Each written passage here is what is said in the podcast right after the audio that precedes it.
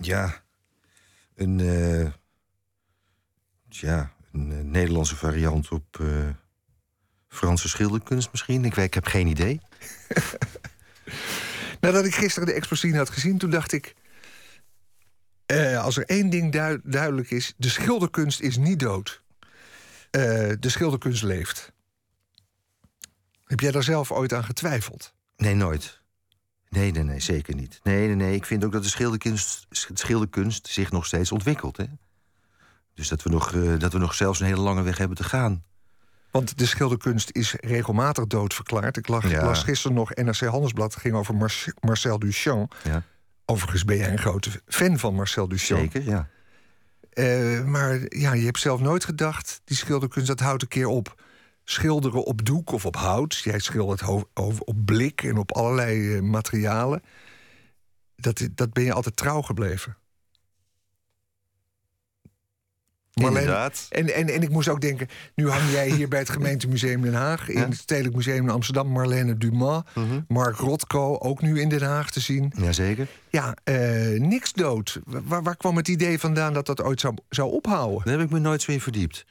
Uh, maar wat mij betreft, uh, ja, het, ja, ik weet wel, bij Duchamp is dat natuurlijk een beetje een kwestie van het retinale, het zintuigelijke van de ogen, uh, die dan de informatie. Uh, tot je, de, informatie komt tot je via de ogen. -huh. En dat was niet voldoende, volgens Duchamp. en dus, wat deed hij daarop? nou ja, je mag er ook iets bij denken. Of, uh, ja, god, ik draag het. uh, enfin, volgens mij is het uh, zeker niet dood. Nee, nou, dat, dat, dat zal iedereen bevestigen die daar komt. Marlene Dumas noemde ik net even. Ben je een fan van Marlene Dumas? Nou, niet heel erg, nee, als ik er vrij mag zijn. Heeft, zij heeft heel veel aandacht gekregen in het Stedelijk Museum. Ja, ja. Er is een discussie op gevolgd. Ja. Uh, heel veel critici, zeer lovend. En toen kwamen er ook kanttekeningen. Waarom ben je eigenlijk niet een fan? Ach, ik vind het een klein beetje eh, te dik. Het is. Uh, en het is een beetje ja, te dik eigenlijk. Hè? Te vet zeggen ze ook wel eens in de muziek. Daar ben ik niet zo uh, van. Nee. Jij bent voor eenvoud. Ja, en dun, lekker dun. En bijna transparant. Helder. Jij hebt ooit een, Zonder ruis. Jij hebt ooit een opleiding gehad die, ja. die zij ook gehad heeft bij de Ateliers 63 in Haarlem. Ja, dat klopt. Ja, we zijn zelfs uh, gelijktijdig hebben we daar nog een jaar gezeten. Het was voor haar van grote invloed. Zij kwam uit Zuid-Afrika. Ja. Zij kwam op die opleiding en bleef daarna in Nederland. Ja. Voor jou was het ook cruciaal, die opleiding. Wat was er bijzonder aan die opleiding? De Ateliers 63 in Haarlem. Nou ja, om te beginnen, ik wist nauwelijks waar ik aan begon. Dus ik, ik rolde daar min of meer toevallig uh, in. Maar uh, dat was natuurlijk een hele ervaring voor mij.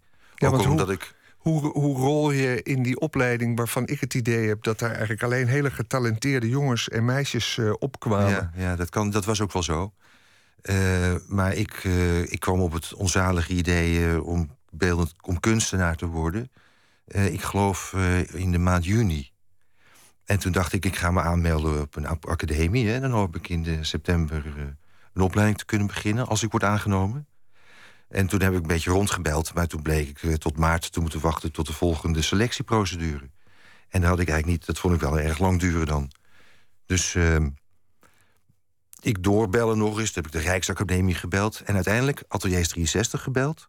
En die zeiden, nee, bij ons kun je het hele jaar door aanmelden. Dus toen ben ik de volgende week erop heb ik wat spullen afgeleverd. En toen uh, ben ik ook tot mijn, toen, niet verbazing, maar eigenlijk tot mijn blijdschap aangenomen. Uh, zonder gesprek overigens. Dus alleen op de goederen die ze zagen. En dat was gewoon werk dat je gemaakt had. Eh, want waar kwam je toen vandaan? Wat had je daarvoor gedaan? Nee, nee, nee ik had geen academie gevolgd of iets van die aard. Ik had wat uh, gestudeerd. Filosofie, dat had niet veel om het lijf, moet ik zeggen. En uh, ik was gesjeest student. Ik werd niet meer onderhouden door mijn vader. Dus ik moest mijn centjes zelf verdienen. En ik werkte toen uh, in een uh, oudheidskamer in Bergen. Een piepklein museumpje. Al waar ik de kaartjes verkocht, de vloer in de was zette. En dat soort werkzaamheden verrichten. Maar er kwam weinig volk. Dus daar las ik wat. En nou fijn, en dat was dus mijn achtergrond op dat moment. Heel typisch. Je hebt wel eens verteld dat je daar las interviews met Francis Bacon. Ja, dat heb ik daar gelezen, inderdaad. En dat je toen dacht, die beeldende kunst, daar, moet ik, daar kan ik vinden wat ik. Daar kan ja, ik... precies. Dat is een beetje een. eh, dat heb ik al eens vaker verteld, het verhaal, maar fijn, ik zal het toch nog eens een keer herhalen. Dus eh, de eh filosofiestudie, dat althans wat ik gehoopt had, daar, dus, daar wat wijzer van te worden, of daar mijn ei kwijt te kunnen of iets. Voor, hè? Eh, als jongeling kun je dat, eh, die wensen hebben. Eh, die, die beviel me dus niet. Dat was nogal een afknapper. Was een beetje schools. En toen kwam ik die interviews van Sylvester en Bacon tegen. Dat heb ik met heel veel animo gelezen. En toen dacht ik, hé, hey, maar dit is filosofie in de praktijk. Hoe Bacon dat dus beschrijft. Wat schilder voor hem betekent. En hoe die dan te werk gaat en zo. Toen dacht ik, nou, dit vind ik dus eh, eigenlijk eh, heel diepzinnig. Dus dat, dat trok me toen geweldig aan. En toen heb ik van de Veromstuit een paar portretjes gemaakt van eh, Francis Bacon. Zo ben ik daar dan een beetje mee begonnen. Ja, de manier waarop je erover praat is bijna laconiek. Ja, hè? ja. Ja, ja, ja, ja, nou, je hoeft er niet zo heel veel gewicht aan te... En die laconie is misschien ook wel typerend voor de manier waarop jij werkt.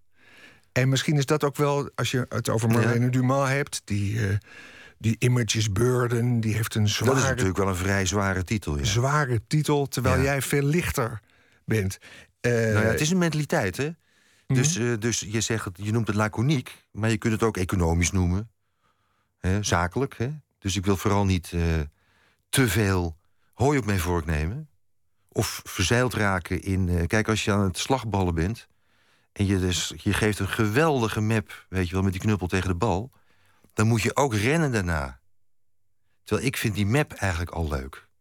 Snap je? Ik heb niet zo'n zin om daarna nog die vier ronken te nemen. Snap je? Maar dat is wat Marlene wel een beetje doet. Juist. Ehm, Het is prachtig zoals je oh, erover vertelt. Die interviews met Francis Bacon, die ooit aan de bron lagen van jouw beeldende kunst. en die je bracht bij, de, bij die Ateliers 63. En Ateliers 63 gaf jou dus de, de, de, drive om door te gaan. Wat was het op die opleiding nou. wat daar zo goed aan was? Of, of, of, Nou ja, wat ik dus even eh, probeerde duidelijk te maken... ik wist van niets. Snap je? Dus ik kwam daar per ongeluk... eh, nou ja, per ongeluk, maar... eh, dus, als, eh, dus eigenlijk vrij eh, ja, wat, wat, wat, argeloos binnenstappen. Wat voor ons als luisteraar bijzonder is, want hoe kom je nou op een hele goede kunstacademie? Ja. eh word Nou ja, je dat zo was niet zo- aangenomen? Nee, het, is, het, gaat, het, het, he- het heet dan postacademiaal, hè? maar dat Mhm. is meer een term van latere tijd, hoor. Dat is meer toen naar Rijksacademie... eh, maar was het jouw werk dat zo overtuigde? Ja. Ja, Ze zeker. zagen daar gewoon die lijntjes, die staan zo perfect. Ja, ik had een eh, stoel bij me en een, en een zes tekeningen, geloof ik. En eh, ja, dat was kennelijk voldoende. En toen ik me daar dus eh, op een goed moment dus acte de présence gaf... bij een eerste feestje, een kennismakingsfeestje... toen hadden ze mijn kop natuurlijk nog niet gezien. Want ze hadden geen gesprek gehad. Dus op een gegeven moment, die, Jan Dibbes die vroeg aan mij... die, dacht, die zegt, wie ben jij, weet je wel? Die dacht een of andere partycrasher te hebben betrapt. En eh, toen zei ik, eh, nou ja, ik ben even voor kijken. Wat kom je hier doen? En ik zeg, nou, ik ben hier aangenomen. Aangenomen? Nou, ik weet van niks, weet je wel. Jan Dibbets, grote naam in de Nee, ik wist niet dat Jan. Dibbets was, hoor. Oh, En ehm, dus ik, eh, maar ik denk, oh god, eh, nou, zou het misschien een vergissing zijn? Hè, dus ik werd een beetje zenuwachtig en zo.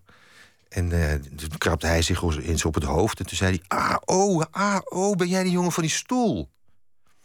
Ik denk, yes.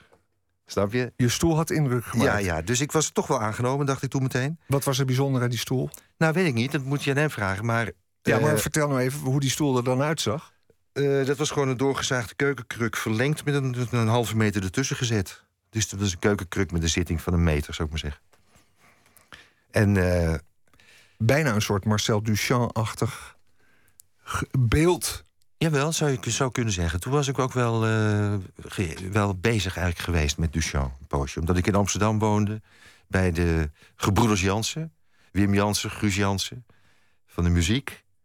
En Wim ook, van de beeldende kunst. Die zat, toen, eh, had de Rietveld Academie gedaan. En was leraar ergens op een eh, school. En ja, daar kwam ik dan als student in huis. en zij waren dus heel erg kunstzinnig bezig. En toen, uh, ja, toen uh, kwam ik daar ook wel mee in aanraking. Maar ik moet ook tegelijk zeggen dat mijn broer bijvoorbeeld... bij mij thuis, maar die is acht jaar ouder dan ik ben... ook heel kunstzinnig was op de middelbare schooltijd... en nu nog steeds is, hij is ook schilder. Weet je, maar, maar en mijn zusje eigenlijk ook.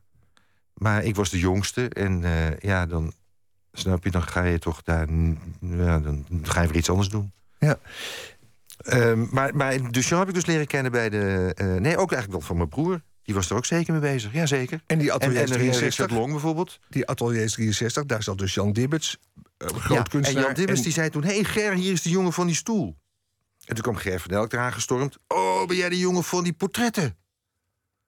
En, uh, snap je? Dus dat was eigenlijk meteen ging dat goed. Je noemt nu net uh, de familie Jansen. Hans Jansen is ook, uh, maakt ook deel uit van die, van, die, van die andere familie met wie je dus uh, ja, ja, ja, ja, ja, En Hans was... Jansen is een vriend van je, conservator in Den Haag, in het museum nu, en groot kunstkenner. En hij heeft uren en uren met jou gepraat. Ongeveer, ongeveer op die manier zoals wij nu ook doen. Hij heeft dat nauwgezet uitgetikt. In de catalogus is daar de weerslag van te vinden. Um, en toen onze redactie vanochtend met hem sprak. Want we waren natuurlijk op zoek naar de kern van uh, Emo Verkerk. Toen zei hij, wat we natuurlijk eigenlijk nu ook al eigenlijk van je gehoord hebben. Dat uh, wat jou kenschetst is die, die eenvoud. Of tenminste, dat je wil het normale maken, zei Hans Jansen. Uh, het normale in de kunst. Ja. Is dat goed geformuleerd? Zo gewoon mogelijk, zou ik dan liever zeggen. En wat bedoel je daarmee? Uh, dus uh, dat het nog, mij, nog aan mij gaat aankleven en ook niet aan een ander, maar dat het gewoon gewoon is. Dat het niet gaat aankleven? Ja. Dat het niet te, te veel. Ja, dat het, uh, ja, dat het, dat het een beetje. niet vrijblijvend hoor, dat is niet het woord, maar dat je er vrij van kunt blijven. Voor je, dat geldt voor iedereen hoor. Hans Jansen die zei, ja, ook uh, die uh, kunstenaars die bezig zijn met de avant-garde, daarvan uh, trekt Emo zich ook een beetje terug. Dat, dat, dat is, die willen te veel, die willen misschien te hard iets zijn. En daar zit niet het raadsel. Daarin zit niet het. Nee, nee, nee. Je moet vooral niet al te veel je best doen. Dat geloof ik. maar dat is toch raar? Luisteraars zullen denken: hoezo niet vooral je best doen? Nee, want als je erg je best doet, dan ga je zo uh, cerebraal uh, doelgericht te werk. En ik geloof, ik heb niet de indruk bij mezelf althans, dat je dan de leukste ontdekkingen doet. Die komen allemaal eigenlijk terloops. Dat gaat en passant. En dat is voor mij althans het meest vruchtbaar. Omschrijf eens een werk waarvan je nu denkt, ja, dat hangt er nu. Of dat staat er nu. Het zijn ook beelden op Maar het zijn, ze, het zijn ze eigenlijk allemaal. Mm maar ik heb mijn vraag nog niet afgemaakt. Open, maar, ja. nee, waarvan je zelf denkt, ja, dit, dat, dat moeten mensen gaan zien. Ja, dan is je oh. antwoord dus uh, alles. Ja, nee, het is ook het, eigenlijk het hele, het hele ensemble. Mm Het is een bijzondere mooie, uh, hoe noem je het, locatie. Hè, met de, met die, uh, die elf zaaltjes. Die ook nog onderling verbonden zijn met poortjes, doorgangen. En het zijn twee galerijen eigenlijk. Eentje bij de raamkant en eentje de achterliggende galerij. En uh, je kunt zo een beetje rondzwerven van de, van de ene nog naar de andere. Ik vind het prachtig. En het is het. Snap je? De, het, uh, ja, ik vind het leuke dus. Inderdaad, het gevoel van rijkdom dat het totaal oplevert. Mm -hmm. Ja. Je hebt veel portretten gemaakt. Dat deed je dus in het begin. En dat ben je ook eigenlijk blijven doen. Ja, dat is toch wel eigenlijk mijn stijl. Dat is jouw stijl. Um, en dat is eigenlijk opmerkelijk, want zoveel kunstenaars doen dat niet. Uh, nee. Nou, nou, tegenwoordig wel hoor. Of misschien ook weer wel. Ja. Zullen we één portret er eens uithalen? Ja, zeker. Dit is radio, dus we moeten het beschrijven. Mm En dan kom ik op een uh, heel autobiografisch portret. Mijn vader in zijn laatste slaap in 1999. Ja, het is allemaal wel een beetje autobiografisch hoor. Maar dit is eigenlijk meer documentair. Ja, en dit gaat over je vader. Dus ik haal het er natuurlijk ook uit omdat je noemde hem net zelf al. Mm in 1999 door jou geschilderd. Hoe ziet het eruit, dat schilderij? Nou ja, je ziet dan uh, in een hoek eigenlijk van een spiegel die daar is afgebeeld. En rond de spiegel zie je nog wat muur. Ik geloof zelfs met een soort kastje waarin wat van die papieren handdoekjes eh, te vinden zijn. Onder de spiegel zie je dus een wastafel. Met een kraan die dan weer in die spiegel wordt weerspiegeld. En eh, er is een spiegelbeeld zichtbaar. In die spiegel zelf. En dat zijn bomen buiten. Dat is in het ziekenhuis geweest in Alkmaar... waar ik dit uh, eigenlijk live heb getekend eerst. Dit is een schilderij naar een tekeningetje. Schetsje. Dat waren beukenbomen. Iets van een gordijn. En dan zie je in de uiterste rechtse hoek onder... zie je eigenlijk de, iets van het gelaat van mijn vader. Beetje kin en de mond. En... Uh, dat is misschien wel kenmerkend voor jouw portretten trouwens ook. Ja, zou je kunnen zeggen dat het, soms uh, fragmenten zijn, ja. Dat het, hè? Het is maar één, één trek of één mm facet. je kunt het vaak helemaal niet eens een, een, een, een heel gezicht noemen. Nee. Maar het kan een, mhm. een dingetje zijn. Ja, ja. en dit is dus gemaakt op zijn sterfbed. Nou, dat was het niet helemaal. dat, dat was ik me helemaal niet van bewust dat het zijn sterrenbed was. Maar het bleek wel dus uh, zijn laatste slaap te zijn geweest. Snap je? Maar ik was daar op bezoek. Tijdens het bezoekuur heel braaf. En uh, we wisten niet dat het zou aflopen. Maar uh, ik trof hem slapend. En ik had eigenlijk geen zin om hem te wekken. Ik denk dat heeft hij misschien wel hard nodig. lekker uitgerust een beetje. Krachten komen. Snap je? Dus ik heb er even gewacht daar. Misschien wordt hij wakker en zo. Toen heb ik dat schetsje gemaakt. En later heb je er een olieverfschilderij van gemaakt. Ja, want toen bleek dus dat dat schetsje... er stond ook nog... Ja, ik heb er zelfs twee gemaakt. Eén op de achterkant van een kalenderblaadje van de vorige dag... dat daar nog lag. En één op een papieren zakje... waar ik misschien wel een boterhammetje in bij me had. Dat zou ook heel goed kunnen. En, uh, nou ja, fijn. Maar uh, ja, daar heb ik dus van dit, die tekeningetjes later een schilderij gemaakt... toen hij dus overleden was. Ja. Wat en dat heeft wel gewerkt ook trouwens, om dat te doen.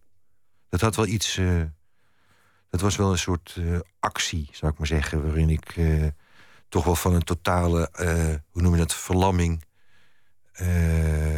Ver, verlost raakte. Wat is het goede van het schilderij? Als je het zelf zo Het lijstje. Het lijstje. Ja.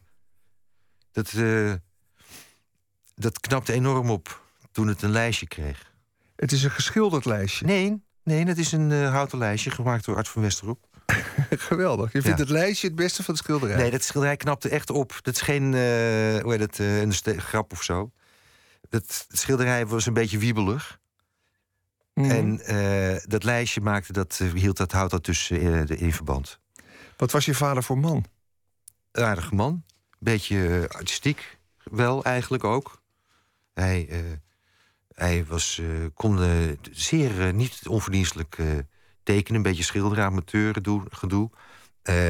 hij was heel leuk. Ik was iets te klein eigenlijk. Toen was de aardigheid er een beetje af. Maar hij maakte poppen, kastpoppen. Weet je wel, van papier maché met die kleertjes en zo. En die speelde voor mijn broer en mijn zusje speelde die poppenkast.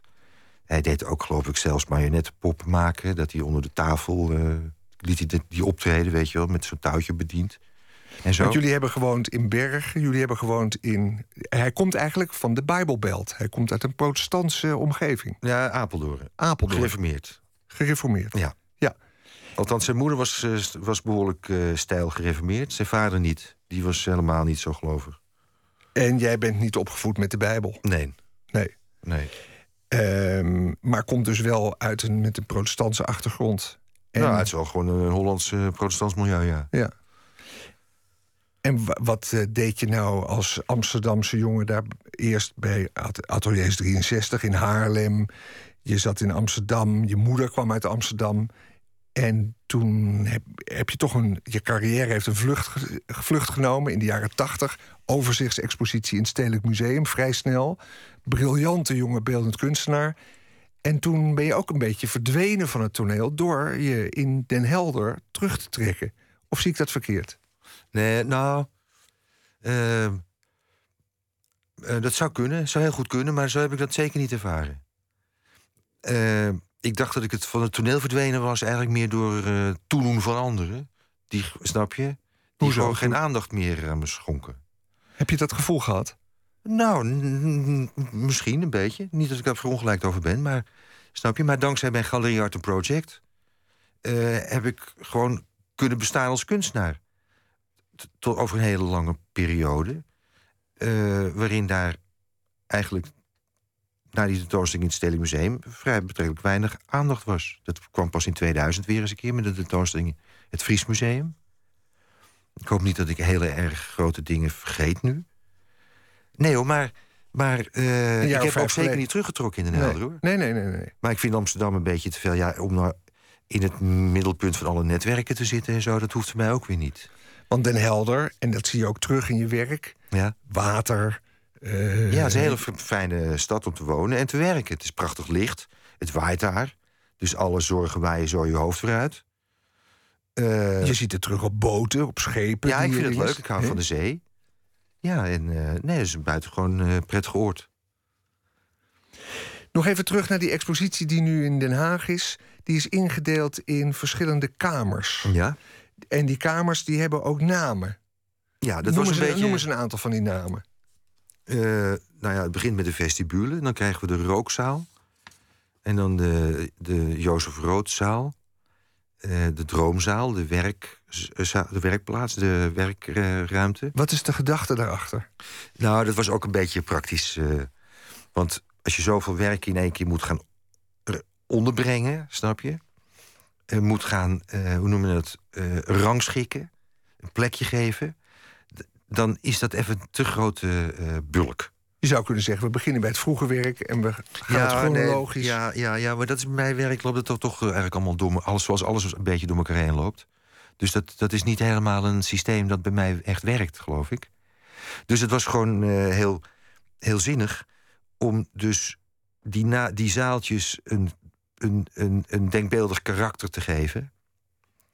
Zoals een droomzaal, of een logeerkamer, of een huiskamer, of een wintertuin. Eh, en daar wat werken bij te zoeken. Ja. Snap je? Puur intuïtief.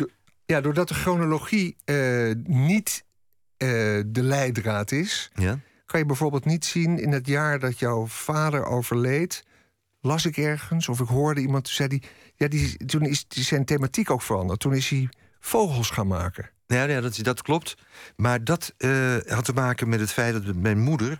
dus zo graag een vogeltje wilde voor op het graf van mijn vader. Dus daar ben ik... Door jou eh, gemaakt? Door mij gemaakt, ja. En eh, daar was ik toen mee begonnen. Maar dat waren nogal... dat was gewoon hout en zo. Dus die dingen waren niet zo bestendig voor in de buitenlucht. En, eh, maar fijn, toen kwam mijn galeriehouwer kijken. Toen had ik drie van die beesten gemaakt. Van die vogeltjes, vogels. En die zei, die vond het verschrikkelijk. Nou, die zo heel aandachtig zo eens... Nog eens kijk, zo een beetje besneerd. En zei, nou, nou, daar moesten we maar eens een tentoonstelling van maken. Nou, nou toen... eh, en ik was nog steeds bezig met het ding voor mijn vader. Want dat, snap je, dat moest dan in brons of iets. Hè, voor buiten en zo. Dus ik was er nog lang niet uit.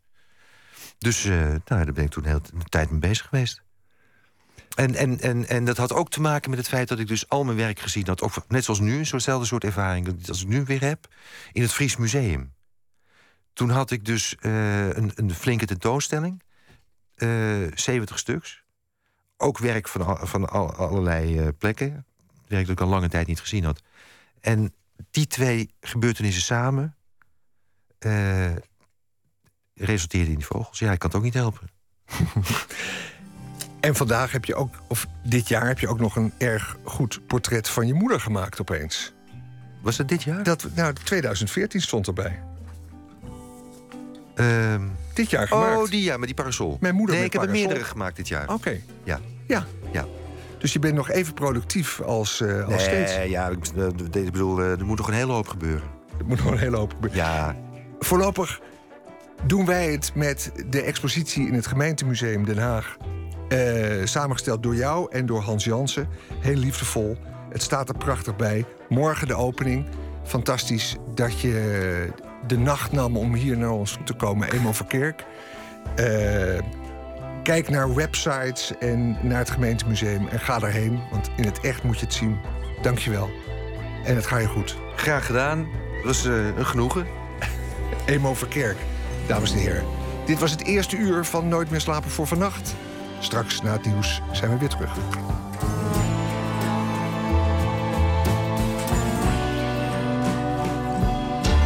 Op Radio 1. Het nieuws van alle kanten.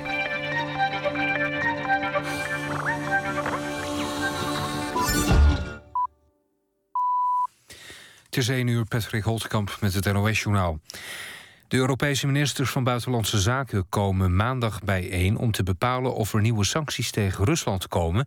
vanwege de situatie in het oosten van Oekraïne.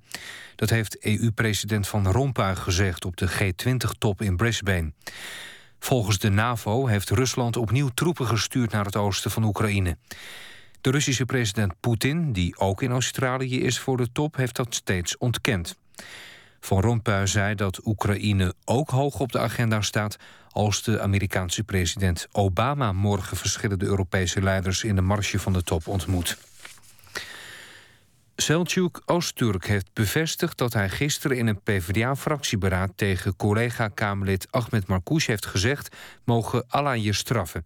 Hij deed dat naar eigen zeg aan het eind van een lange emotionele dag. Ik wilde eigenlijk godverdomme zeggen, zei Özturk in het tv-programma Pauw. Zijn collega-Kamerlid Tunahan Kuzu zegt dat het precies het probleem is... dat God de voorpagina van de Telegraaf niet haalt, maar Allah wel. Hij spreekt van verharding, verruwing en verrechtsing in het integratiedebat. De twee Kamerleden van Turkse afkomst zijn gisteren door de PvdA-top uit de fractie gezet. De vluchtleiding van ruimtevaartorganisatie ESA in Darmstadt... heeft weer contact gehad met de komeetlander Philae. De lander is erin geslaagd in het oppervlak van komeet 67P Churyumov-Gerasimenko te boren. Het is nog niet duidelijk of de verkenner nog zon heeft weten op te vangen... om zijn batterijen op te laden. Als de accu's niet kunnen worden opgeladen... heeft de verkenner nog maar voor een paar uur energie. Als de komeet de komende maanden dichter bij de zon komt... kunnen de accu's alsnog worden opgeladen... en kan de verkenner weer onderzoek doen. Het weer bewolkt met regen of motregen. In het noordoosten ook af en toe droog, minima rond 8 graden. Overdag blijft het bewolkt en regenachtig bij 10 of 11 graden. Dit was het NOS Journaal. NPO Radio 1. VPRO. Nooit meer slapen.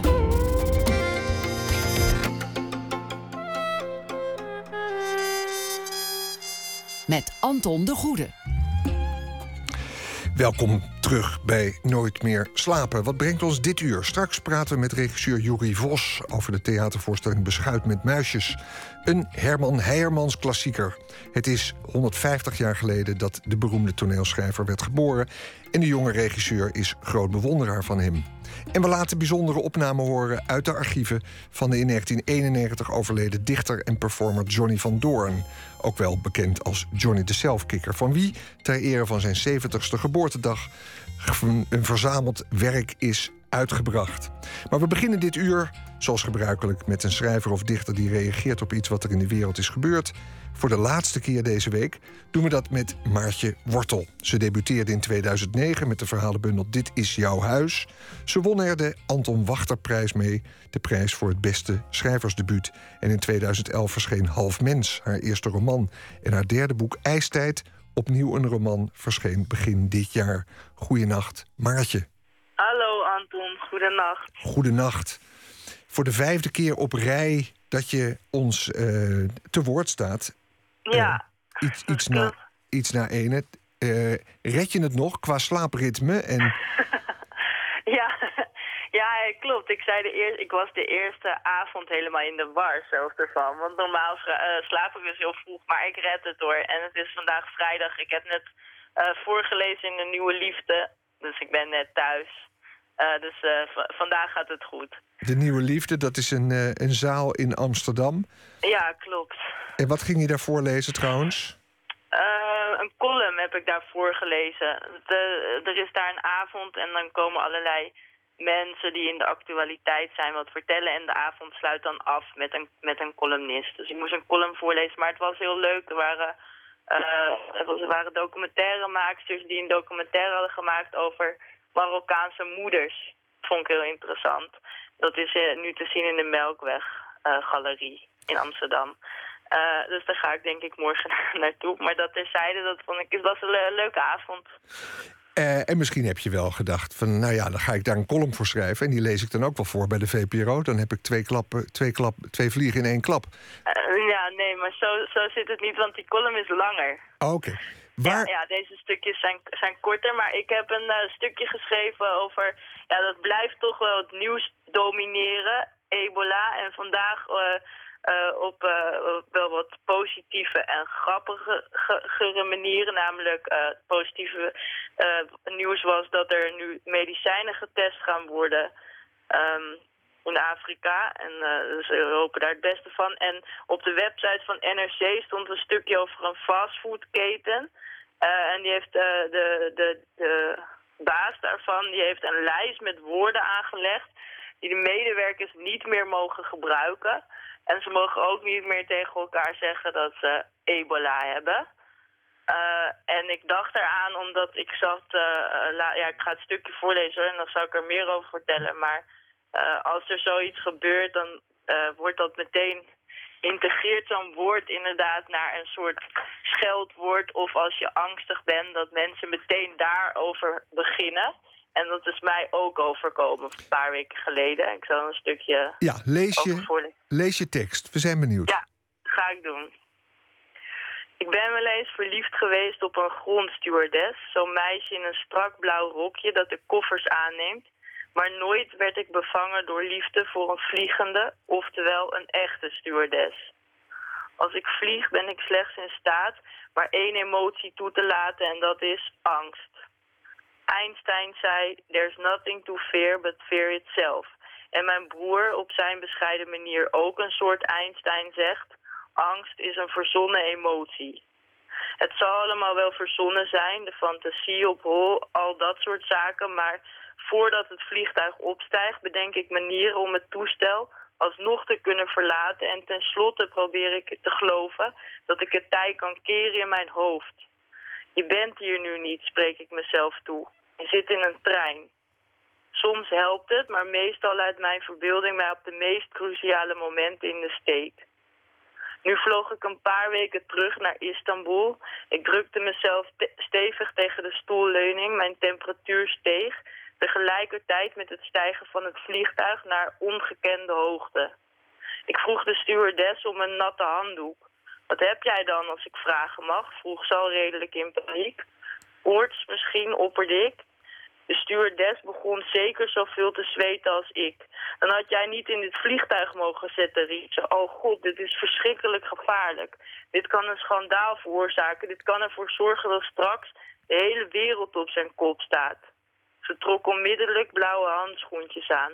Het is zeer besmettelijk, zei ze. Als het aan mij lag, zou ik je nu linea recta uit het vliegtuig gooien. De rest van de reis negeerde ze me. Ik hoopte dat ik bij aankomst in quarantaine zou worden gezet. We zouden de hele wereld op zijn kop zetten, die stewardess en ik. Een schandaal veroorzaken. Daar had ik eigenlijk wel zin in. Poeh. Wat een, ja. wat een nachtmerrie. Ja, en ik heb een, uh, een zwarte vriendin, een donker meisje. En zij zat naast me. Ik zei tegen de stewardess... Uh, ja, maar mevrouw, ik ben niet in Afrika... Of ik zei ten eerste, ik ben niet in aanraking ge, ge, geweest met iemand anders die koorts, heeft die koorts heeft. En ik ben niet in Afrika geweest. En toen wees ze naar mijn vriendin en toen zei ze... Maar zij misschien wel. dat werd ook nog eens een soort van... Ze was echt heel bang. Ach. Ja. Uh, Maartje Wortel, je hebt niet het meest lichte onderwerp genomen om de week mee af te sluiten. Ehm, nee, maar ja, het is wel, er is, dat klopt. Maar het is wel licht verteld. Het is wel licht verteld. We gaan uh, naar muziek luisteren en we gaan uh, je verhaal op ons laten inwerken. Dank je wel. En uh, wie weet, tot nog eens een keer een week. we hebben het zeer gewaardeerd. Oké, fijne avond, het fijne je, nacht. Het ga je goed. Dankjewel, jij ook. En behalve Maartje Wortel hebben we ook de hele week al muziek gedraaid van acts die dit weekend op Crossing Border spelen. Het optreden van Iron and Wine zit er inmiddels op, daar in uh, Den Haag, want daar is Crossing Border nu gaande. Literatuur- en muziekfestival. Uh, maar uh, wij kunnen Iron and Wine wel nog laten horen. Dat is de fluisterstille liedjes die zij maken. Wij zijn er nog even niet klaar mee. Hier is Our Endless Numbered Days. Dat is de titel van het album. En het nummer Sodom, South Georgia.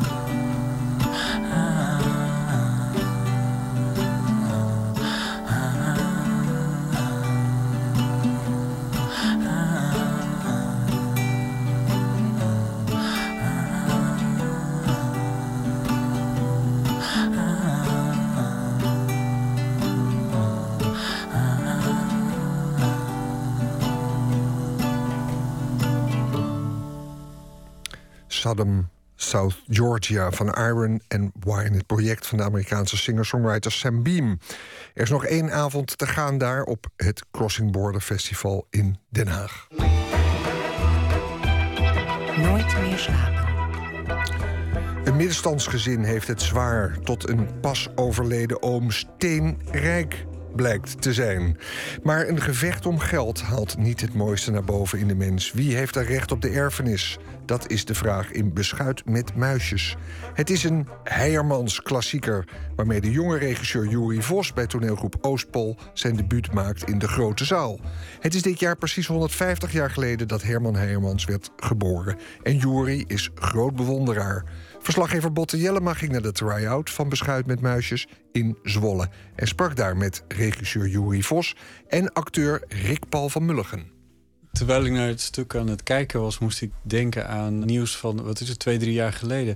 Toen was er uh, die rechtszaak van die mensen die de postcode loterij uh, net niet gewonnen hadden. Kunnen jullie dat herinneren? Dat nieuws? Ja, absoluut. Ja, dat is eh, een van de inspiratiebronnen.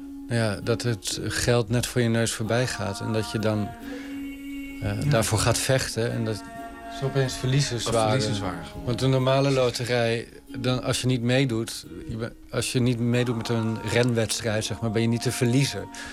Je doet het gewoon niet mee. Bij de postcode loterij ben je een soort van verplicht om mee te doen. Eh, of tenminste, je bent altijd een verliezer als het in jouw straat valt. Dat was het punt van de mensen die het geld voor neus voorbij zagen gaan. Ik vind wel dat ze daar iets van hebben, dat een soort privacy-aantasting ergens is. Ja. En daar lijkt deze familie ook een beetje op. Nou ja, deze familie. Maar ik denk dat eigenlijk iedereen wel op het moment dat het echt over miljoenen gaat... dat niet zomaar, ah joh, laat maar zitten, zal doen. Ik denk dat bijna iedereen daar wel voor zal vechten of eh, iets beschamends zal doen om het te kunnen krijgen. Hallo. Ja, bien mee. Ja, ik zelf. Eh, ik was juist van plan om even op te schellen. Maar de hele boel wordt radicaal veranderd. Nee, nee, waarde heer, moet van A tot Z een eerste klasse begrafenis worden. Tip top. Eerste klasse rijtuigen, eerste klasse bediening, eerste klasse livrei. Je hebt van die palfreniers achterop hier komt zeggen dat... Ja, dat vertelt hij toch zo ook wel, zonder dat het speciaal verteld wordt. En jij bent de, de warme, de bruiloft stil? Nou, nee. Nee, nee, nee, nee. Kosten zijn bijzaak. Cash. Boter bij de vis. De familie die heeft zo respect. Juri, zou je kunnen uitleggen in een paar zinnen waar de voorstelling over gaat? Wat het verhaal is?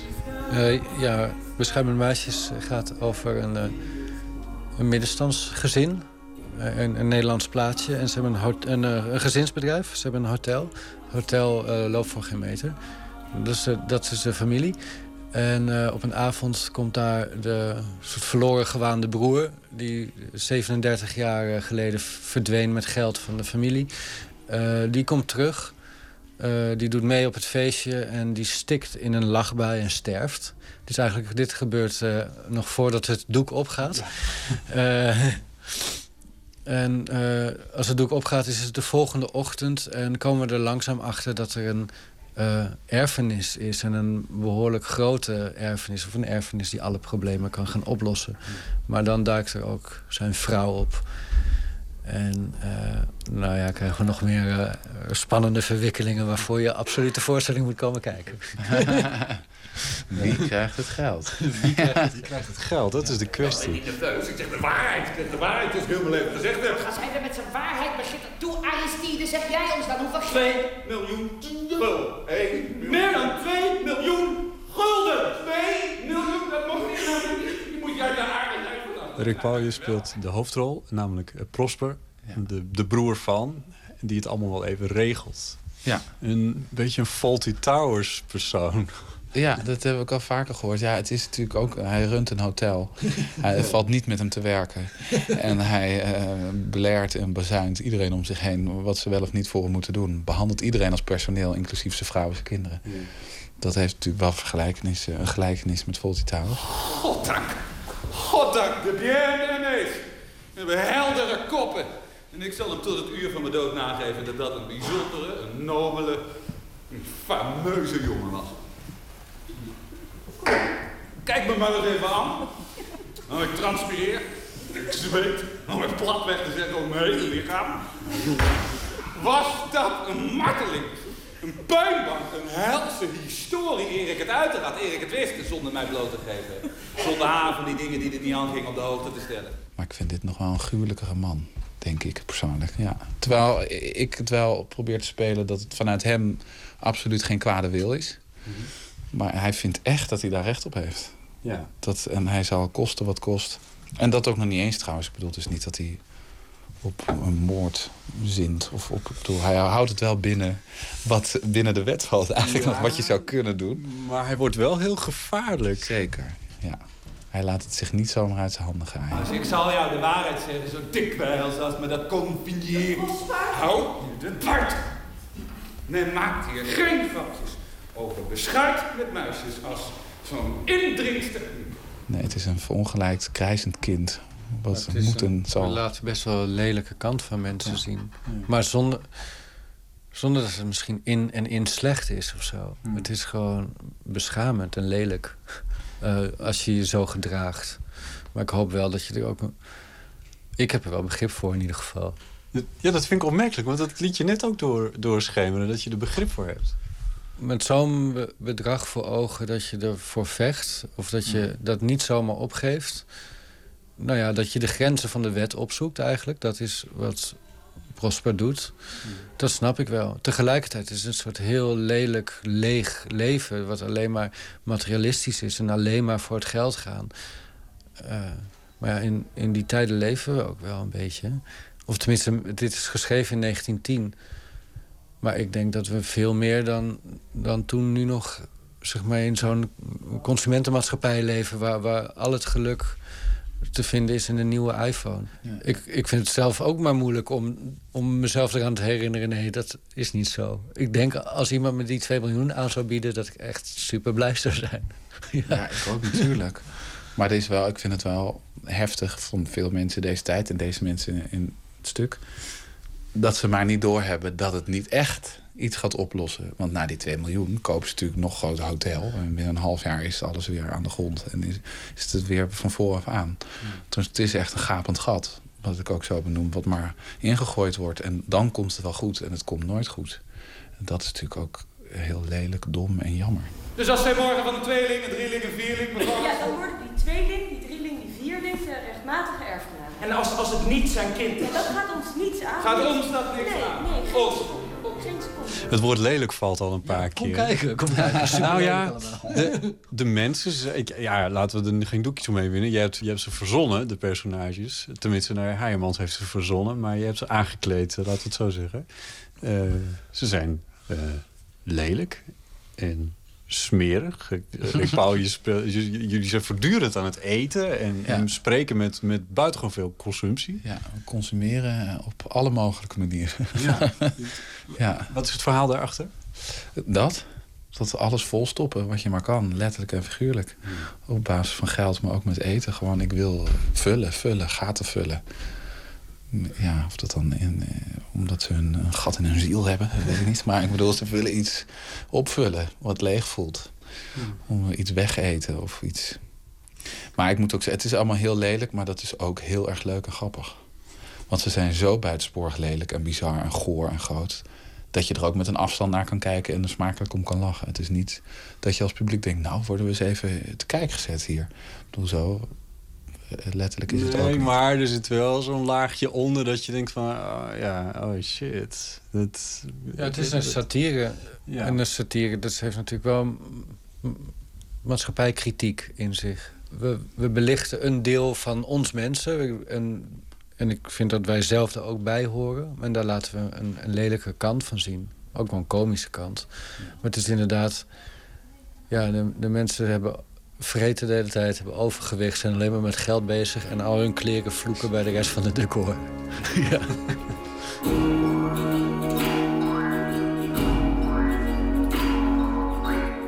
Ik las van jou het citaat dat je eh Heijemans de beste Nederlandse schrijver ooit vindt. Wat bewonder je eh, aan hem? Zijn personages zijn bijna nooit echt slim en reflecteren weinig over het leven. En dat is natuurlijk in veel Nederlandse theaterteksten vaak wel aan de hand. Dat er een soort meta-verhaal komt of een oog van buiten. En hij laat ze nooit mooier spreken of zelf een bewustzijn hebben over een situatie. En toch kan hij een heel verhaal daarmee vertellen. Omdat hij heel erg precies in het ritme, heel erg precies in het milieu wat hij beschrijft. En heel maatschappijkritisch en wil hij echt iets... Hij vond het zelf vervelend om te horen als mensen zeiden dat hij mooie stukken schreef of mooie zinnen maakte. Hij wilde iets teweeg brengen met zijn stukken. En nu, honderd jaar later, als je het voor de eerst als je het even leest, dan eh, komt er zo'n romantisch sausje overheen van 1910. Oh, huifkarren en een paard en wagen en wat geweldig. Maar volgens mij is het hele scherpe maatschappijkritiek. En dat proberen we met deze voorstelling toch wel weer er- eruit te tillen of zo. Je zegt van, dat je, er is niet een soort van alziend iemand of een alziend oog of zo. Er is één personage wat het wel een klein beetje is in deze voorstelling, hè? De, eh, de Charles. Ja, de zoon is wel, die heeft wel een beetje de rol van het geweten. Hij heeft er natuurlijk niet voor een week getrouwd om haar vandaag weer op straat te zetten. Dat is gemeen. Nee, man. Als ik dan denk hoe hij boven in dat bed lag. Hoe hij boven in dat bed lag met zijn gevouwen witte handen, dan, dan, dan zijn wij dieven. Rick Paul is de hoofdrol in tekst, maar het voelt voor mij ook af en toe... het is gewoon één groot personage, dit hele hotel of zo. Met allemaal figuren die allemaal een soort andere kant van een, van een persoon eh, belichamen. Hoort die Charles dus ook bij? Ja, dat is het geweten dan wel gekneusd. Kreupel. Kreupel geweten is het, ja. Een kreupel en machteloos geweten. Loopt met krukken inderdaad.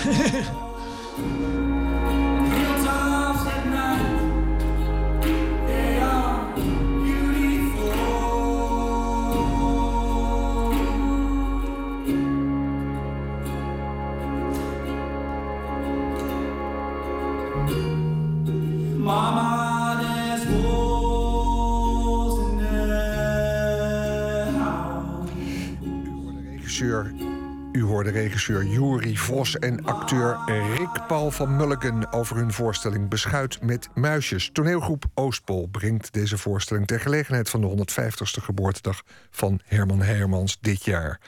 De voorstelling gaat zaterdag, dus eigenlijk vandaag, in première in Zwolle en reist dan tot eind januari door het hele land. Een bijdrage was dit van Botte Jellema. Muziek nu. Het begon met een Facebook-spelletje drie jaar geleden. Met wat willekeurige zoekopdrachten creëerde je een niet bestaand album van een niet bestaande band. Maar bij pro- producer Guido Albers kwam uit het toeval zoiets moois dat hij besloot het echt te maken. Lorraine Ville werd een gelegenheidsproject waar uiteenlopende muzikanten hun medewerking aan hebben verleend. Het eerste album van Lorraine Ville werd bekroond met een Edison. En nu is er een tweede plaat. Desire the Reckless. En daarvan is dit If I Die Tonight.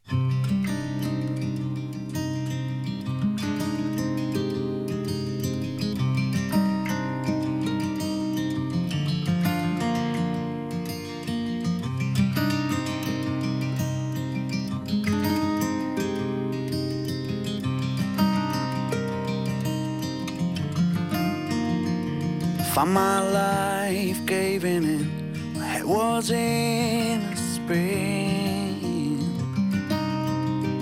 Just like my heart. I've always tried to see the light. Pictured things from every side. Every part. I never had a second chance. My whole life was in your hands right from the start.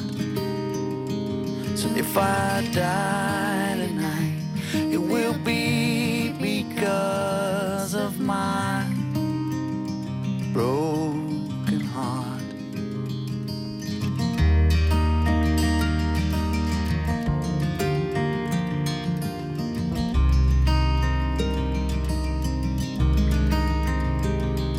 I can't find you anymore. Been opening all the doors for so long. It all makes me feel so sad. It's all way over my head, and it feels so wrong. And no one's with me in this thing. However, this bird will sing his own All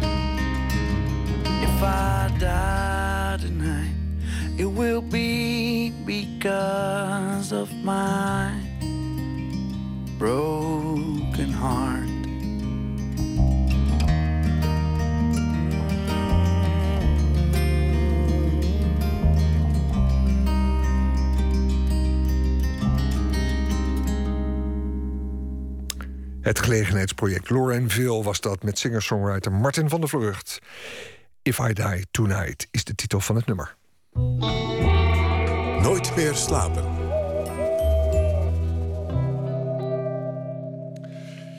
Ja, iedere vrijdag bellen we rond dit tijdstip voor een culturele tip met een van VPRO's smaakmakers. En vandaag doen we dat met Gerard Busch, onze specialist op het gebied van film. En als journalist is hij werkzaam bij cinema.nl en de VPRO-gids. Goedenacht, Gerard. Ja, het ITVA staat voor de deur, het documentaire filmfestival. Elk jaar in Amsterdam wordt dat gehouden. Uh, begin komende woensdag. misschien een goed moment om het nog eens te hebben over hoe speelfilm en documentaire zich eigenlijk tot elkaar verhouden. Ja, het, het, is de laatste tijd zo dat we regelmatig speelfilms in de bioscoop zien. Uh, dat wil niet zeggen dat elke documentaire ook een speelfilm is natuurlijk. Het is uh, zeker bij het ITVA draaien ook erg veel documentaires die vooral erg maatschappelijk betrokken zijn. Dan ben je nog niet een speelfilm. Kijk, je moet ook wel iets van een, van een, van een ontwikkeling in zitten. Uh, het is ook prettig als uh, het camerawerk en, en de vorm anders is dan alleen maar rapporteren. maar als dat gebeurt, dan levert dat soms weergeloos mooie films op. Zoals bijvoorbeeld The Act of Killing. Documentaire van Joshua Oppenheimer, die vorig jaar door de, laten we zeggen, de journalisten van cinema.nl werd gekozen tot beste film van 2013. En dan hebben we het wel over cinema.nl, dus over film, niet over documentaire. Wacht even, The Act of Killing. Vorig jaar, van Joshua Oppenheimer. Dat was een documentaire, toch? Absoluut. Ja. En, en die, die was dus als documentaire... Uh, was die zoveel meer dan alleen maar uh, een weergave van uh, feiten, zal ik maar zeggen. Maar hij, was, hij, groeit, hij had zoveel verschillende lagen... dat hij, dat hij absoluut thuis wordt in de, in de cinema, in de bioscoop. Ja, en dat... is dus niet altijd zo bij een documentaire, nee. maar bij deze zeker. Nog even zeggen, dat was die film waarin je Indonesische moordenaars zag... die naspeelden hoe ze in de jaren zestig... Uh, communisten te lijf gingen, toch? Nou, ja, zeker. Te lijf. Ze hebben er ongeveer een miljoen vermoord. En, en omdat ze zelf nooit gestraft zijn daarvoor... Uh, zijn ze er eigenlijk stiekem een beetje trots op. En door ze dat na te laten spelen... Uh, liet Joshua ze ook een beetje realiseren wat ze eigenlijk hadden aangericht. En 99% stak daar, uh, of die, die stak ze kop in het zand. Maar een van de helden, met tussen hele vette aanhalingstekens uit die film, die, die kreeg toch iets van berouw, leek het. En dat leverde een, een, een ja, weergeloos mooie film. Ja. En die film heeft een vervolg gekregen, die ook dit jaar uh, weer bij het ITVA te zien is. En dat heet The Look of Silence. Ook een, ik heb hem al gezien in Venetië, het festival van Venetië. En het is ook weer een hele indrukwekkende film. Ja, maar dus waar we het over hebben is, is dat er in speelfilms misschien wel steeds vaker met documentaire elementen gespeeld wordt. En dat er in documentaires steeds meer gebruik wordt gemaakt van technieken uit de speelfilm. Ja, zeker in opbouw en spanningsopbouw en uh, uh, laten we zeggen het achterhouden van informatie. Dat is heel gedoseerd. Is niet meer alleen mensen vertellen hoe iets in elkaar zit, maar ook mensen echt iets laten voelen. Uh, en op die manier proberen ja, dingen bij de mensen binnen te krijgen. Zeker. Ja. En dat, in, in, film is dat ook, die hele... De, je hebt, het is al een tijdje aan de gang hoor, maar die, die, die, handheld camera waarmee je suggereert dat iets echt gebeurd is, dat, dat, is, uh, dat gebeurt heel veel in films. Veel actiefilms ook, want dan sta je als kijker midden in die actie en dat, dat werkt heel goed. Ja. Is het nou heel moralistisch van mij uh, als ik dan mijn zorg uitspreek over ja, dat het ook verwarrend is en dat de, ja, de journalistieke kant van documentaires ja, dan misschien op een gegeven moment de wensen overlaat of dat het op een soort hele rare manier niet meer duidelijk wordt voor, voor kijkers?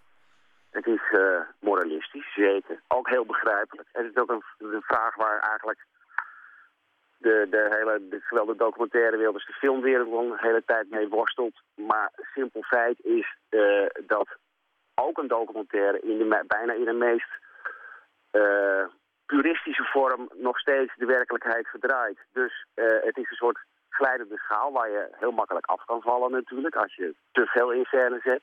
Als je niet vertelt wat je doet, maar dat iets nooit een directe weergave is van de werkelijkheid. Hè, wat een documentaire dan in de meest klassieke zin wel uh, deed te zijn. Dat idee is al een tijdje losgelaten. Dus, dus ja, daarbinnen is, uh, mag alles. Ja, er zal weer veel over gepraat worden tijdens dat ITVA. Ook hier in Nooit meer slapen. Ehm, volop aandacht voor dat ITVA de komende week. Onder andere de documentaire Stand By Your President van Ineke Smits. We gaan Sunny Bergman aan het woord laten over haar documentaire Zwart als Roet. Nu even, jij bent toch eigenlijk de speelfilmman. Die documentaires laten we nu even voor wat ze zijn. Ehm, wat zijn de films van dit moment, Gerard? Uh, nou, dat is, ik ben nu bezig met de eindejaarslijstjes. Het is een beetje vroeg, want het is uh, november, half november. Maar uh, omdat omdat we in de VPRO-gids moeten we ietsje eerder alles sluiten vanwege de feestdagen. dus dat werkt bij elk blaadje zo trouwens. Want we moeten nog naar een drukkerij enzovoort. Ja. enzovoort. Dus wij moeten allemaal iets eerder uh, die lijstjes gaan samenstellen. En het, het, het, toevallig is het zo dat twee van de films die bij mij erg hoog gaan eindigen, dat weet ik nu al, die, die draaien nu. Dat zijn Under the Skin en uh, Whiplash. Twee totaal verschillende films, maar twee uh, films die ik zomaar vijf sterren heb gegeven. En dat doe ik gewoon niet zo snel, omdat vijf sterren is... Dan moet je echt heel erg goed zijn en dan moet je echt iets bij mij teweeg hebben gebracht. En dat hebben deze twee films. Dus die zijn gewoon nog te bekijken in de bioscopen. Dat andere de skin zal wel niet overal te zien zijn. Nee. Het is wel een hele inter interessante film, intrigerend. Zullen we een van, die, een van die twee films er nog even uitpakken? Under the Skin misschien? gebaseerd op dat boek van Michel Faber? Ja, ja. Ik uh, heb laatst een heel gesprek gevoerd met iemand die dat boek had gelezen. Dat heb ik zelf nooit gelezen.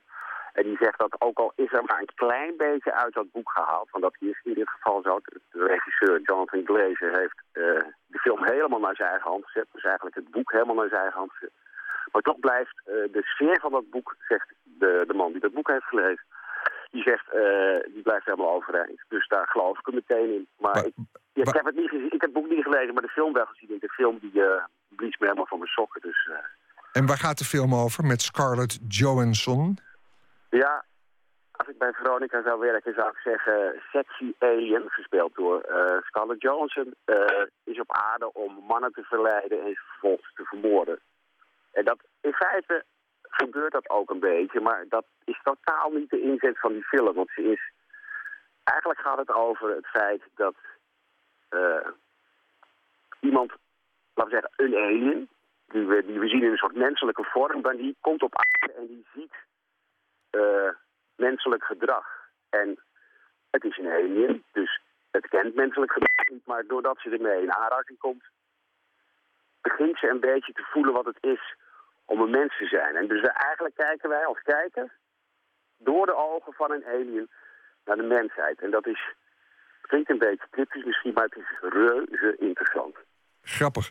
Uh, heel interessant. Uh, we hoorden twee piepjes, maar dat is waarschijnlijk de batterij van je telefoon. En dat heeft niks met aliens te maken.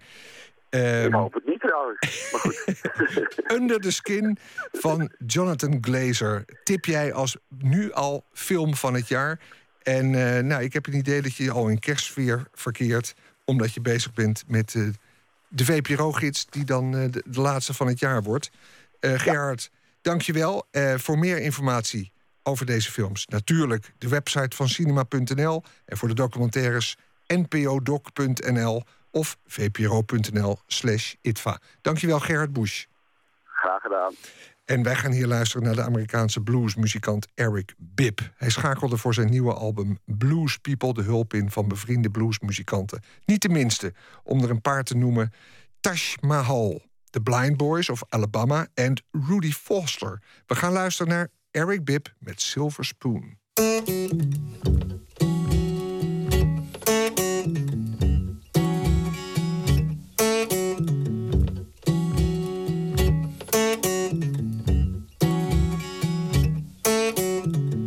I left my home as a young man, still a boy, truth be told. My guitar, my troubled heart, and hit the road.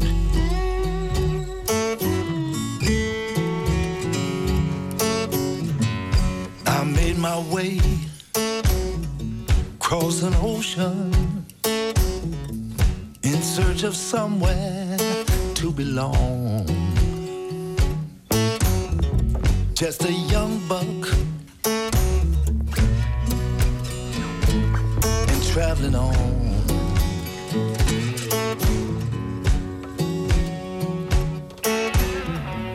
I made my home in the North Country far. At a time when very few people there look like me. I made good friends who were kind to a stranger and his family.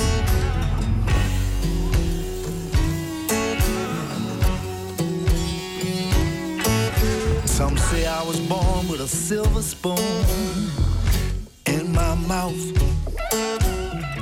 People, you know I paid some dues. Born to play the guitar all around the world.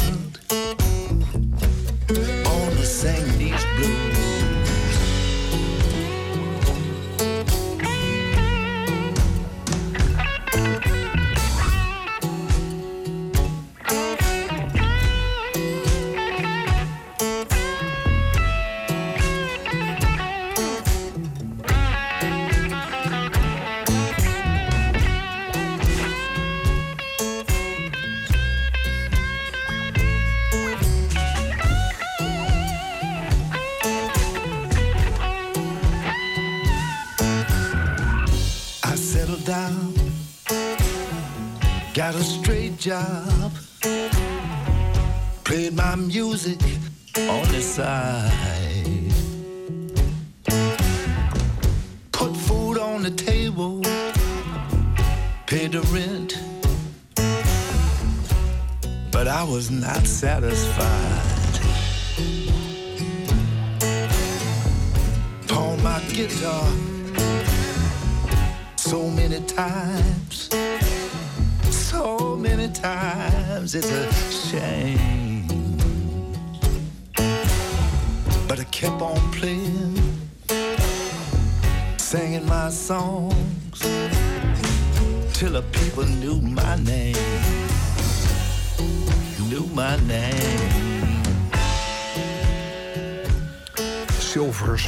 van Eric Bibb. Nooit meer slapen. Het werk van de in 1991 op 46-jarige leeftijd overleden schrijver-dichter Johnny van Doorn, ook bekend als Johnny de Zelfkikker, is opnieuw in druk verschenen. In Droom Vrij Uit zijn al zijn gedichten nu samengebundeld. Van Doorn werd bekend met zijn gedichten als Kom toch eens klaar, klootzak. En verhalenbundels als De Geest moet waaien. Niet in de laatste plaats omdat hij met zijn markante stem en voorkomen op veel podia was te vinden. in een tijd waarin literatuur zich daar veel minder afspeelde dan tegenwoordig. Mooi moment voor Nooit meer slapen om Johnny van Doorn nog één keer de microfoon te geven.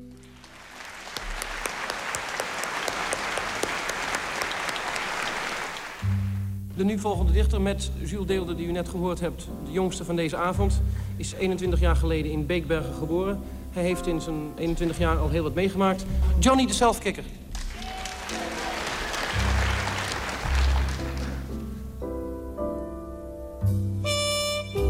Dat was in 1966 in Carré Amsterdam. Johnny de Selfkicker was bezig een naam voor zichzelf te maken. Later zou hij die naam, de Selfkicker, en al het uitzinnig gedrag dat ermee samenhing, terugruilen voor Johnny van Doorn. De laatste dagen is er veel over hem gesproken, maar misschien is het aardig om de man zelf aan het woord te laten. Te beginnen met een van zijn bekendste gedichten. Een magistrale, stralende zon.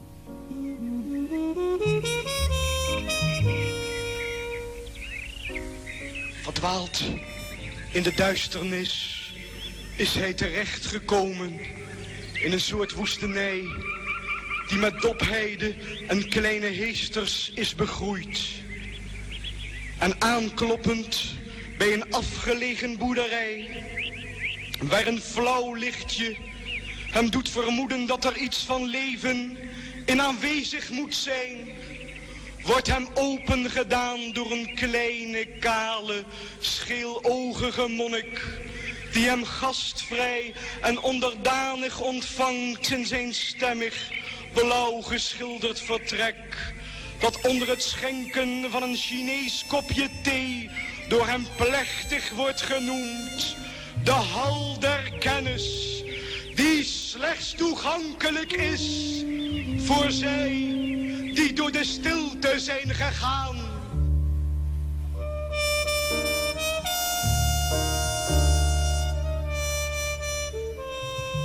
Ik ben een soort spiegel van de jaren 60 geweest. Maar dat is Jan Kramer ook geweest. Dat is Bob Dylan ook geweest. Ja.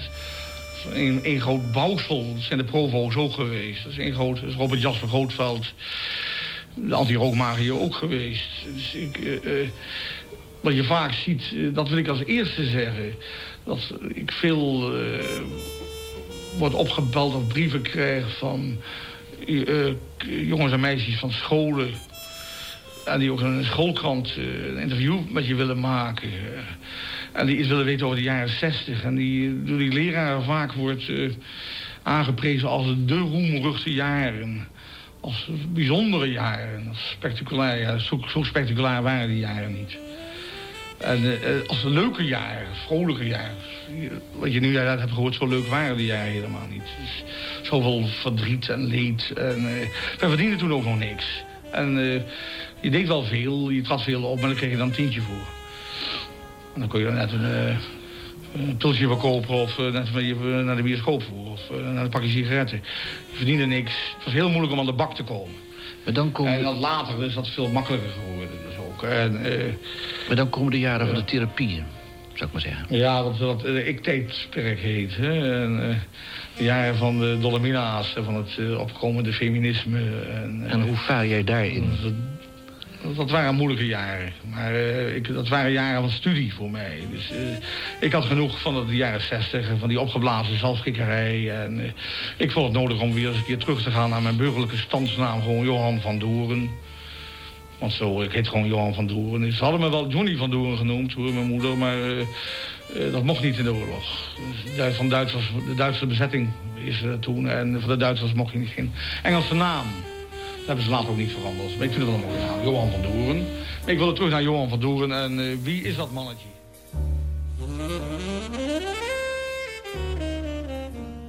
En zijn tranen nauwelijks de baas kunnend, weet hij terstond dat deze oude magier zijn langgezochte leermeester moet zijn, die op zijn weg naar het door hem begeerde middelpunt zijn toeverlaat zal zijn in moeilijke uren. En als hij na geriefelijke nachtrust bij het kraaien van de haan het huisje van zijn dromen de rug toekeert om met zijn zwerftocht verder te gaan, is er zoveel gebeurd dat een tegenstelling met die avond tevoren hij gevuld is met een nieuwe lading levenskracht. Die hem doet jubelen over de vol met kwinkelerende vogels. Zijn de natuur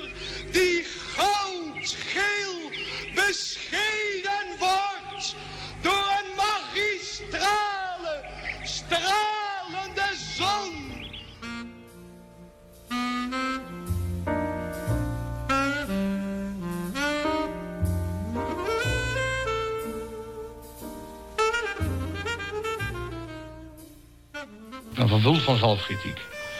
Ik kan wel eens heel arrogant en uh, uh, soms wel een beetje trotserig naar voren komen in de buitenwereld, maar dat is schijn. Ja, dat en dan heb ik het ook verdiend ook. En soms wil ik het nog wel eens een beetje opscheppen. Dat, dat wil ik ook nog wel. Maar de schijn dan heb ik iets gedaan wat, waar ik van vind dat het ook echt goed is. Want ik bereid me altijd heel goed voor op dingen. En, uh, als ik een boek schrijf, dat gaat ongeveer vijf, zes keer door de schrijfmachine heen. Dat is die eenvoud van toon die je wil bereiken.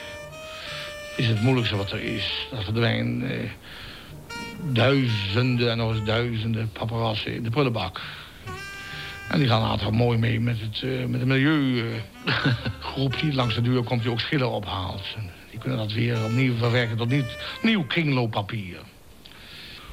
Er zijn momenten dat ik in een diep, diepe dalen verkeer. En dat zoals eh, iedereen wel, maar soms hele diepe dalen. Ik kan vaak ook eh, vrolijk schrijven als ik uit zo'n diepe dal eh, loskom. Mijn laatste boek heb ik iets sumier al iets weergegeven over zo'n diep dal. Maar ik vind mij persoonlijk niet zo belangrijk om daar, daar ook weer te, te diep op in te gaan. Dus wat mijn laatste boek heb gedaan is ook, eh, soms- toch, ja, toch meer over mijn vader of moeder of over eh, dingen om me heen. Maar als je dan maar ik is niet zo belangrijk. Maar als je dan somber bent, waar dan over? Dat, dat is onvoorspelbaar, dat kan je niet. Dat is echt, eh, dat is, iets, dan is er geen, is een zwart gat waar je in verkeert. Maar dan kom ik vreselijk makkelijk uit. Soms duurt het drie dagen of soms een week. Ik heb het niet over gevaarlijke dingen die in het leven kunnen voor, zich kunnen voordoen, maar ik heb altijd iets je moet doorgaan, doorzetten, doortaaien. Ik kom er wel eens uit, uit die somberheid. Dat ik eh, wel eens heel somber om een bospad zag een- gewoon een mooie vrouw lopen. En toen, eh, door het zicht op die mooie vrouw, eh, was ik meteen niet, niet somber meer. Het gaat om kleine dingen. Ik zit wel eens, ik kom wel eens in de. Ja, dan wil ik daar juist dingen in waar ik nooit inga, zoals bijvoorbeeld de HEMA. Of eh, de Bijenkorf. Of die claustrofobische tenten, waar ik altijd benauwd voor. Behalve op de cosmetica-afdeling niet. En de HEMA word ik nooit benauwd bij de afdeling. Dat wil me wel eens zuiveren. Eh, van die vrouwen die worsten happen. Dikke vrouwen. En die oude worst van de HEMA, zei je, daar hebben we wel eens een keer met jou over gehad, meen ik. Hè?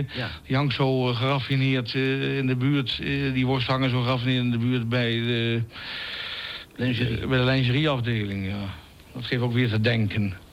Maar als die vrouwen dan die worsten happen, dan, dan dat geeft mij een soort eh loutering. En dan vooral, wat ik eh, eens een keer heb meegemaakt, ik dacht dat ik dood ging. Ik ben namelijk een hypochonder. Ik denk vaak dat ik dood ga. En dat is allemaal flauwekul. Maar dat is eh, zenuwen, hyperventilatie. En eh, dan loop ik op straat en mijn hart eh, die heeft een toertal van 60 en dan ineens een toertal van 4. En dan denk ik, dat ding begeeft het. En ik moet me vastklampen aan een lantaarnpaal. En eh, dan hoor ik de stem van mijn vrouw, die dan gewoon thuis is. heb ik gewoon een telepathische telefoon met haar. En dan hoor ik haar therapeutisch stemgeluid die zegt van... Hé, hey, idioot, zal ik niet... eh, je stel je niet aan, er is niks aan de hand. Ga de HEMA maar eens in. En, en dan ga ik meestal, zoek ik de HEMA op. En dan naar die vrouwen die die worsten happen. En dan weet ik een HEMA in de stad waar een heel bevallig eh, jong van eh, Javaanse bloeden. Die eh, worsten aan die vrouwen overhandigt als waren het ruikertjes. En wat moet je er nou mee? Maar dat is een schitterend beeld. Remco zou zeggen, Remco Kammert zou zeggen van... de dag is weer goed. En de dag gaat niet meer stuk. En zo is het. Vol met kwinkelerende vogels zijn de natuur die goud geel besneden wordt door een magistrale, stralende zon. Door een magistrale,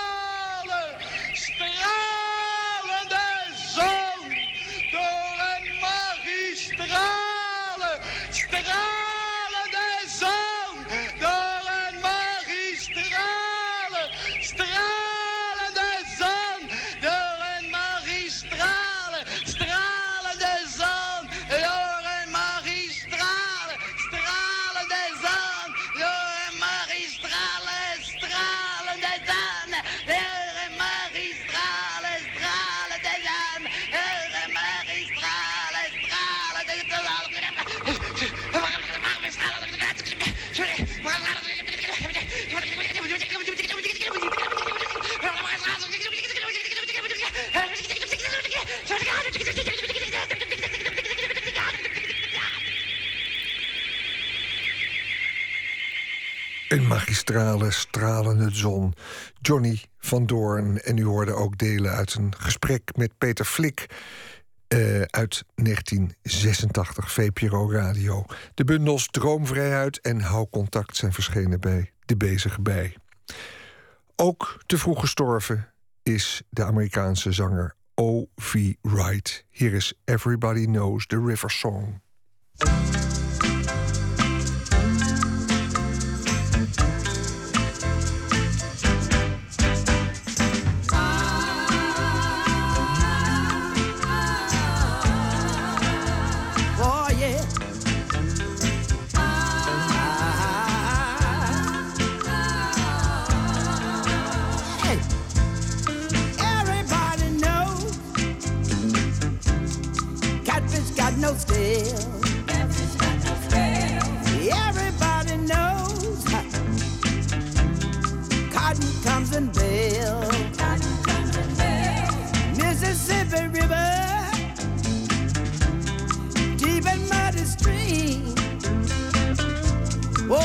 The back and fish.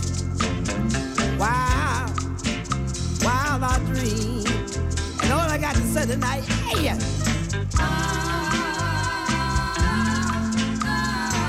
Oh, come on, come on and sing this song, y'all.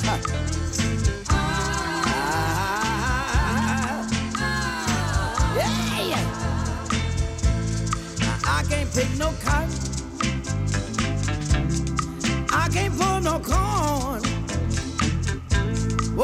Keep on raining. And I just can't stay at home. And all I got to say today, hey.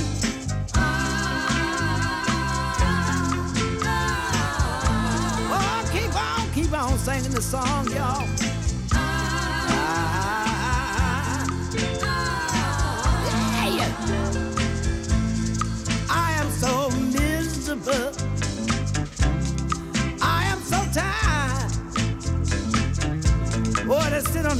Mississippi River and watch the fish swim by. My life is so confused, y'all. I don't wanna die, no, no. Oh, I wanna go to heaven, but I'm scared, I'm scared to fly. And all I got to say today, hey,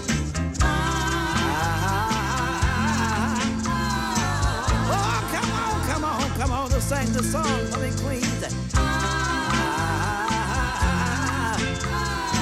Oh, I've been I've been here all long, I,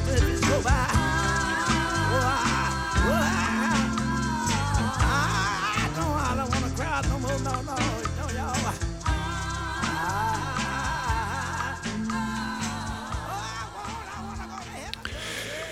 Ja, met de muziek van O.V. Wright. Everybody Knows the River Song eindigt deze editie van VPRO's Nooit meer slapen.